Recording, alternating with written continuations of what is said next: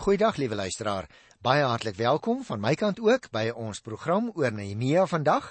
En vandag gaan ek nie so vreeslike lang stuk soos die vorige keer behandel nie. Uh net hier so van Hosea 7:73 af eh, tot by Hosea 8 vers 19. Nou sê jy onthou toe ek destyds vir jou gesê het, daar is eintlik net 3 groot indelings in die boekie Nehemia. Die eerste deel was van Hosea 1 vers 1 tot aan die einde van 7 vers 3 waarin beskrywe word hoe dat Nehemia teruggekeer het na Jerusalem toe.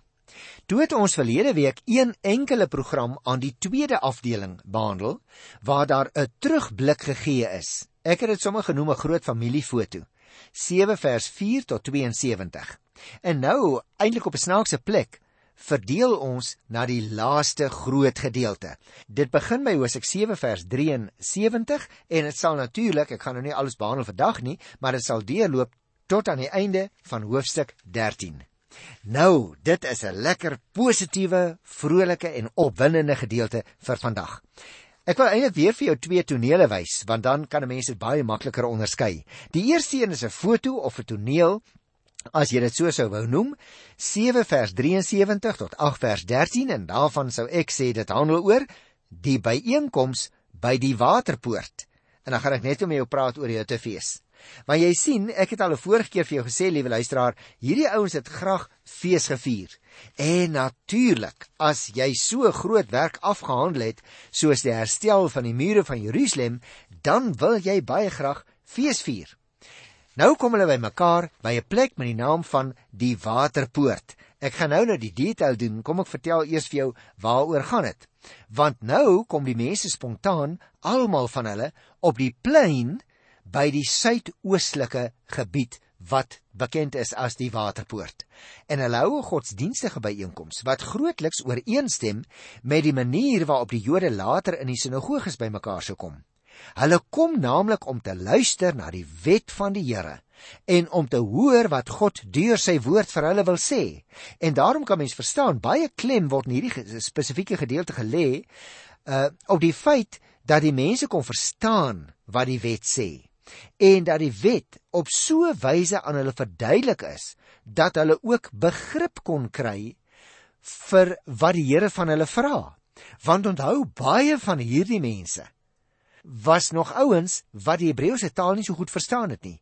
Nou is dit vir my nogal moet ek dadelik sê baie eienaardig dat Esra hier weer so skielik op die toneel kom en saam met Nehemia en die Lewiete as voorgangers in die erediens optree. Want onthou, Esra was nou vir 'n lang tyd nie op die verhoog van die geskiedenis nie. Dit lyk vir my as jy nou vir my rede sou vra, die bedoeling is dat dit wat nou hier in die geloofsgemeenskap van Jerusalem gebeur, die resultaat is van alles wat Esra en Nehemia van tevore gedoen het. Dit gaan is hier lyk dit vir my oor 'n nuwe fees waarin die gemeenskap deur hulle leiers georganiseer word om nou ook hulle daaglikse lewe volgens die wet van die Here in te rig. Dit is dus 'n baie belangrike geleentheid. Hierdie wet naamlik wat aan hulle voorgehou word, wat moontlik verskillende gedeeltes uit die eerste 5 boeke van uh, Moses bevat het, ons huidige Bybel, né? Dit word op so 'n manier verduidelik vir hulle. Dit word ook uitgelê op so 'n manier dat dit op hulle hele lewe toepassing gevind het. En daarom is dit baie belangrik om dit raak te sien. Hierdie ouens was so besig met die werk. Hulle was so onkundig oor wat die Mosaïese wetgewing vir hulle gesê het dat hulle leiers dit nodig geag het om te sê kom ons hou nou eers 'n groot as dit ware volk saamtrek en dan praat ons oor hierdie goed. Kom ek lees dan van vers 73 af uh en ook uh die eerste 2 verse van Nehemia 8. Die priesters, die leviete, die poortwagte, die sangers, 'n deel van die volk en die tempelslawe het hulle gevestig in die stede waar hulle vandaan gekom het. Dit het die hele Israel gedoen. Toe die 7de maand aanbreek, was die Israeliete dus oral in die stede. Die hele volk het soos een man bymekaar gekom op die plein voor die waterpoort en vir Esra die skrifgeleerde gevra om die wetboek van Moses waarin die beveel van die Here aan Israel opgeteken is te bring. Jy sien daarom sê ek dit is nogal interessant en in 'n sekere sin half vreemd dat Esra nou skielik weer nader geroep word. Maar as jy uh, in die teks lees, onthou hy was 'n priester, dan kan jy verstaan dat hy 'n belangrike rol gehad het om te speel in hierdie verband. Nou die sewende maand waarvan die eerste 2 verse hier praat, val natuurlik in dieselfde jaar waarin Esdra in Jerusalem aangekom het. Dit wil sê Oktober van die jaar 458 voor Christus. Die waterpoort het ek net vir jou gesê was in die suidoostelike hoek van die tempelkompleks geleë. Nou vir Esdra die skrifgeleerde het ons al baie deeglik leer ken daar in die boek Esdra. So ek gaan nou nie weer oor hom iets sê nie, maar vir my wat opval in hierdie gedeelte is dit: die hele gemeente word opgeroep om na die wetsvoorlesing te luister. Mans en vrouens en dan staan daar en elkeen wat kon verstaan en die nodige begrip gehad het. Mens skryf weer dieselfde gedagte in Hosea 10 by vers 28. Dit sluit ook die kinders in wat ouer was as 12 jaar. Nou kan jy sê nou broer Johan, hoekom hoe weet ons dit was die kinders wat ouer was as 12 jaar? Omdat uh, ons dit kan vergelyk met Lukas 2 vers 42. Dit was ook die kinders van 12 jaar en ouer wat dan gewoonlik so 'n feesgeleentheid van 'n volksvergadering bygewoon het. Daar staan op die eerste dag van die sewende maand word die nuwe jaarsfees gevier. En nou sê jy onthou volgens Levitikus 23 vers 23 was dit 'n rusdag, 'n gedenkdag wat met die blaas van die ramshoring aangekondig is. O, oh, dit moes 'n wonderlike dag gewees het na al die jare van bouwerk en uiteindelik die klompie 50, 60 jaar wat hulle nou ook gebou het aan die mure rondom die stad. Van ligdag af tot die middag. Dit wil sê ongeveer 6 uur lank. Lees Esdra op die nuwejaarsfees die wet voor. Liewe luisteraar, ek dink as jy en ek daaraan deel gehad het, dan sou ons gesê, "Joe, vandag kry die dominee ook weer nooit klaar nie." Maar kom ons lees ietsie daarvan hier van vers 5 tot by vers 9. Esdra, die skrifgeleerde, het op 'n houtverhoog gestaan wat vir die doel gemaak was. Regs Langs hom het Mattia, Sema en dan kry sy 'n hele klomp name daar wat daar gestaan het. Met ander woorde, liewe luisteraar, die prosedure wat by die voorlesing van die wet gevolg is, word hier vir ons beskryf, maar ek gaan nou nie al die name vir julle lees nie. Wat van belang is wat ons gerus kan opmerk as ons na hierdie fotootjie kyk. Esra het op 'n houtverhoog gestaan. Hoekom? Sodat hy duidelik hoorbaar kon wees en regs en links van hom was daar van sy helpers. Maar nou baie interessant. Toe Esdra die wetboek oopmaak, het die hele gemeente uit eerbied opgestaan. O, oh, luisteraar, dit moes vir hulle geweldige gebeure gewees het. Esdra het die Here geprys, staan daar. Dit wil sê hy het in die naam van die Here geroem oor alles wat die Here gedoen het. En baie interessant ook, die aanspreekvorm groote God wat ons in die gedeelte kry hier van vers 5 tot by vers 9 kom dikwels voor in die Bybel en ook is dit in die nabye ooste gebruik as 'n benaming vir die allerbelangrikste God. En nou word juis die benaming gebruik. Hoekom? Omdat Israel hulle wil laat verstaan ons God is die enigste. Hy is die allerbelangrikste God wat daar is. Hulle moes dus baie goed verstaan, ook sommige van hulle wat nou nooit in ballingskap was nie en wat ook nou kon help herbou aan die stadsmure. Hulle moet weet, hulle kom nou as deel van die gemeente van die Here vir die eerste keer saam wanneer die wet gelees word. En dit is die wet van die alleen wyse God onder wie se gesag hulle dus saamkom. Dis ook vir interessant die aanbidding van God gaan gepaard met die opheffing van hande. Gaan kyk maar op Psalm 28 vers 2 en Psalm 134 vers 2, daar kry dit ook. En ook dat die mense gekniel het. Nou, liewe luisteraar, dis interessant om dit te sien, maar ek wil net dadelik sê, let op dat die Bybel dit nie gee as 'n voorskrif dat die hande opgehef moet word of dat die gemeente moet kniel nie. Nou uh, by ons eie gemeente in Lenotrif laat ek van tyd tot tyd die mense kniel in die erediens en ook wanneer die seën uitgespreek word, vra ek vir hulle om hulle hande ook op te lig om deel te hê aan die liturgiese handeling, maar dit word nie in die Bybel gegee as 'n opdrag dat dit so moet gebeur nie. En nou, as mens nou van vers 10 tot by vers 13 lees, ek wil net so 'n snit daaruit maak. Luister 'n bietjie. Nehemia, die goewerneur, so dit is dus Esra en Nehemia wat op hierdie feesgeleentheid op die verhoog is. Nehemia die goewerneur, die skrifgeleerde priesterte, uh, priester Esra en die leviete wat die gemeente onderrig het, het vir die hele gemeente gesê: "Hierdie dag word gewy aan die Here jou God. Moenie treurig wees nie, moenie huil nie." Dit was omdat die hele gemeente gehuil het by die aanhoor van die wet. Nehemia het verder gesê: "Gaan vier, fees, eet en drink." en deel aan die uit wat niks voorberei het nie. Hierdie dag word gewy aan ons Here. Moenie bedroef wees nie. As julle die Here met blydskap dien, sal hy julle beskerm. En dan lees ons ook nog wat die leviete gedoen het. Die leviete het al die mense gekalmeer met die woorde: "Wees rustig. Dit is 'n gewyde dag. Moenie bedroef wees nie." Die hele gemeente toe gaan eet lekkernye uitgedeel en groot fees gevier. Hulle het goed begryp wat vir hulle gesê is. Nou liewe luisteraar, dit lyk vir my die een emosie wat hier baie uh, duidelik na vore kom en ek lei dit af uit die feit dat dit so 'n paar keer genoem word, is dat die mense almekaar gehuil het. Nou ek kan dit verstaan. Want onthou baie van hulle was ou mense. Hulle het verlang na die tempel en al sy glorie. Maar Hulle het maar gewoond geraak nou aan die gewone herboude tempel. Maar op hierdie dag het dit vir hulle in die hart gegryp dat ook die muur rondom die stad nou uiteindelik voltooi was. En daarom word nou herhaalde kere deur die leviete en deur Nehemia opgeroep om te sê: "Ag, julle kan gerus nou ook bietjie op met huil. Kom ons gaan nou huis toe en kom ons gaan wees nou vrolik. Kom ons gaan deel eetgoed uit aan mekaar want dit is 'n blye dag. Ons hoef nie net hartseer te wees nie, ons verstaan dit, maar kom ons wees ook 'n bietjie vrolik. Maar die ander rede natuurlik, liewe luisteraar, is omdat hulle waarskynlik vir die eerste keer in 'n hele klomp dae en weke omdat hulle so hard gewerk het aan die herbou van die tempel, vir die eerste keer weer die voorreg gehad het om na die wet te luister.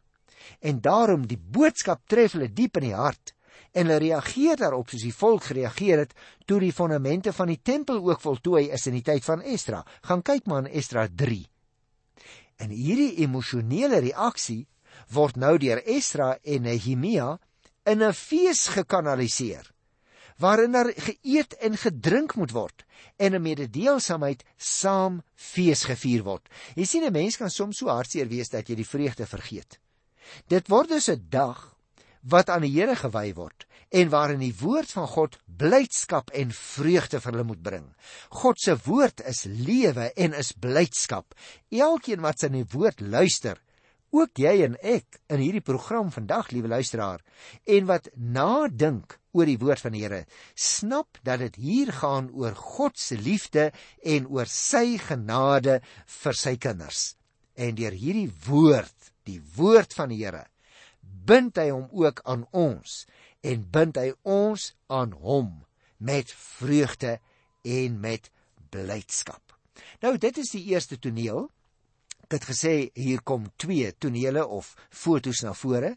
Die een wat vertel van die byeenkoms by die waterpoort waar die ouens dus met trane in die oë staan, maar Esra en Nehemia sê vir hulle hoorie, kyk mense, nou het ons 'n slaggie klaar gehuil gaan nou huis toe, gaan vier fees, deel eetgoed en drinkgoed uit aan al die mense wat in julle omgewing is, sodat ons almal bly kan wees oor wat die Here gedoen het nou dat die tempelmure en ook die stadsmure finaal voltooi is. Maar die tweede toneeltjie, liewe luisteraar, dit handel dan oor die huttefees. Nou ja, julle sal baie goed onthou, ek het al vir julle vertel van die Hittefees, maar nou kry ons die volgende dag. Kom ek vertel eers vir julle iets daaroor. Jy sien, 'n kleiner groepie Judeërs kom nou weer die volgende dag bymekaar om na die wet te luister. En onder leiding van Esdra, wat onthou jy nog, Esdra 7 vers 6 het vir ons gesê, hy was kundig in die wet van Moses.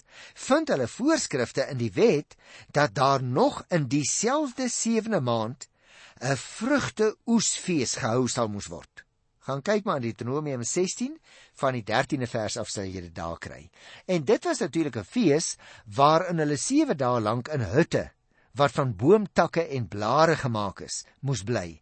Nou hierdie fees, liewe luisteraar, moet natuurlik die tyd toe die Here Israel uit Egipte laat wegtrek het en in die wildernis laat beland het in herinnering roep. Hulle moes dus nou weer 'n keer begin nadink oor hulle geskiedenis. Oor wat? Oor God se beskerming. Oor sy leiding gedurende hulle swerftog en hulle moes opnuut besef dat die Here hulle nog steeds sou lei en beskerm as hulle natuurlik aan hom gehoorsaam sou wees. Jy sal dit miskien ook nog onthou, Diodeus het die soos dit ook genoem word hierdie Hittefees, die Sukkotfees, nie op presies dieselfde manier gevier as wat dit voorgeskryf is in Deuteronomium 16 en Levitikus 23 nie. Hulle het byvoorbeeld die takke van ander bome gebruik as wat deur die wet voorgeskrywe word. Hoekom? Want hulle omstandighede was anders. Dit is ook anders gedoen, luisteraars, as wat nog altyd sedert die tyd van Joshua gedoen is. Nogtans was dit in wese dieselfde hittefees waaron God se verlossingsdade in die verlede in herinnering geroep is. Nou wil ek dadelik vir jou sê, ons moet die bril van die geloof in die lig van God se woord na ons eie lewe leer kyk. Met ander woorde, ons moet gelowig kyk na sekere dinge wat ons moet doen. Dit is die vrug van die Here se verlossing in die verlede. Ja, maar ook sy sorg vir vandag wat jy en ek moet raak sien. Liewe luisteraar, as ons nie ingestel is daarop om die Here se goedheid vandag ook nog te sien nie, dan kan ons dikwels dink die Here was vir ons goed in die verlede. En daarom is dit so nodig dat hierdie mense nou kom en sê, maar ons wil vandag die goedheid van die Here in herinnering roep oor die verlede. Maar ons sal ook vandag vir hom dankie sê vir vandag. Kom ek sê dit op 'n ander manier. In die Here Jesus Christus, luisteraars, het God jou en my lewe met die verlede en die hede en die toekoms verbind. Want jy sien die Here Jesus het nie net vir ons betaal op Golgotha nie. Hy sorg vandag nog vir ons. En weet jy wat? Hy gaan by die wederkoms nog steeds vir ons sorg. Daarom het ons deel aan 'n historiese godsdiens. Wat bedoel ek daarmee? daarmee bedoel ek, liewe luisteraar, ons godsdiens is nie net uit die lug gegryp nie. En selfs ons godsdienstige handelinge is ook nie net self uitgedink nie. Ons het 'n historiese basis waarop ons bou. Die fondament is natuurlik Jesus Christus. Maar wie dat die kerk het ook 'n stuk geskiedenis. En dit is nie noodwendig verkeerd nie. En nou kry ons in hierdie tweede toneel of prentjie van die Hittefees 'n baie goeie voorbeeld daarvan in die Bybel self dat hulle die Hittefees vier om te herdenk hoe die Here destyds vir hulle uit Egipte land uitgelei het, maar ook terselfdertyd te vier om te sê nou vandag wil ons jubel oor die goedheid van die Here. Kom ons lees miskien eers net die 14de vers hier in Nehemia, die 8ste hoofstuk. Die volgende dag het die familiehoofde van die hele gemeente en die priesters en leviete by Esra, die skrifgeleerde, bymekaar gekom om die inhoud van die wet te bestudeer. Jy sien, hulle wat die leierskorps vorm, Hulle is die mense wat die wet moet bestudeer, nie sommer net ligtelik daaroor praat nie. Hulle moet presies weet wat die Here in sy woord sê. En weet jy wat? In jou en in my tyd is dit net so belangrik dat ons die woord van die Here sal bestudeer staan dit hier. Luister vers 15 en 16. Hulle vind toe in die wet geskrywe dat die Here deur Moses opdrag gegee het dat die Israeliete in hutte moet woon vir die duur van die fees in die sewende maand en dat hulle die oproep moet maak en dat dit in al die stede en in Jerusalem afgekondig moet word. Gaan na die berge toe. Bring olyftakke, olientakke, mirtetakke, palmtakke, takke met digte blare om hulle hutte te maak soos dit voorgeskryf is. Nou liewe luisteraar, dit wys net weer 'n keer vir jou vir my hoe lank hoe belangrik die gebruike in die Bybel ook was. Want daarom het ek net nou vir jou gesê, die soort takke wat die Jode gebruik het, het die eeue het soms gewissel. Want jy moet nou onthou dieselfde soort bome wat jy kry in Palestina, kry jy nie noodwendig in Babel nie. Het jy ook nie noodwendig in Assirië gekry nie. En daarom moes die gelowiges aanpas by die omstandighede en by die beskikbare artikels en voorraad en gawes wat hulle gehad het. Dis my baie belangrike opmerking dat ons raak sien die styl van doen verander afhangende van die omstandighede waarin jy jou ritueel gaan uitvoer. Maar die inhoud wys voortdurend na die heilsgebeure van God. Daarom liewe luisteraar, party kerke, uh, as veral as dit 'n groot kerk is, bedien byvoorbeeld nagmaal met glasies. Anders sit by tafels aan as dit 'n kleiner kerk is. Die styl van doen kan verander en verskil. Maar die saak waarheen gewys word, dit bly altyd dieselfde. En daarom het hierdie mense ook met ander soorte boomtakke gewerk. Maar hulle het presies herdenk wat die Here vir hulle gesê het om te doen. Hulle het nie die fees verwaarloos nie. Kyk na vers 17. Die mense het die takke gaan haal en elkeen het vir hom 'n hut gebou op die dak van sy huis of in die binneplaas of in die voorhof van die tempel of op die plein by die waterpoort of die uh, plein by die Efraimspoort. Nou wil ek net eens nakies vir julle sê, liewe luisteraars, hierdie huttefees word nog elke jaar in Israel gevier. En daar is baie mense, Christene ook, wat hulle self as dit ware wil vereenselwig met die Joodse volk en sy gebruike. Maar natuurlik as Nuwe Testamentiese gelowiges het ons dan ook die getuienis om te lewer dat die wet volgemaak is. Let op wat ek sê. Nie dat die wet onnodig geword het nie. Die Here Jesus het gesê, ek het gekom nie om die wet tot nul te maak nie, maar om die wet sy volle betekenis te laat kry. Daarom gaan sommige Christene in ons tyd ook nog elke jaar vir die viering van die Huttefees. En wanneer hulle dit dan saam met die Jode vier, dan herinner hulle dat die Here Jesus gekom het om die wet sy volle betekenis te laat kry. Kom ons lees vers 18. Die hele gemeente, die mense wat uit die ballingskap teruggekom het, het hutte gebou en daar gaan woon. So het die Israeliete dit nie gedoen van die tyd van die seun van Nun af, naamlik Joshua, tot die dag toe nie. Daar was baie groot vreugde. Nou natuurlik, hier word dit nou vir ons baie duidelik uitgespel, die Judeese gemeente word nou, soos telkens deur die kronikus ook genoem word, gelykgestel let op met die mense wat uit die ballingskap teruggekom het.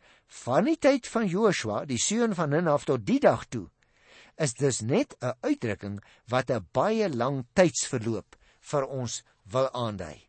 En dan sluit hierdie 8ste hoofstuk af met die woorde: van die eerste dag tot die laaste dag van die fees het hulle elke dag uit die wetboek van God voorgeles.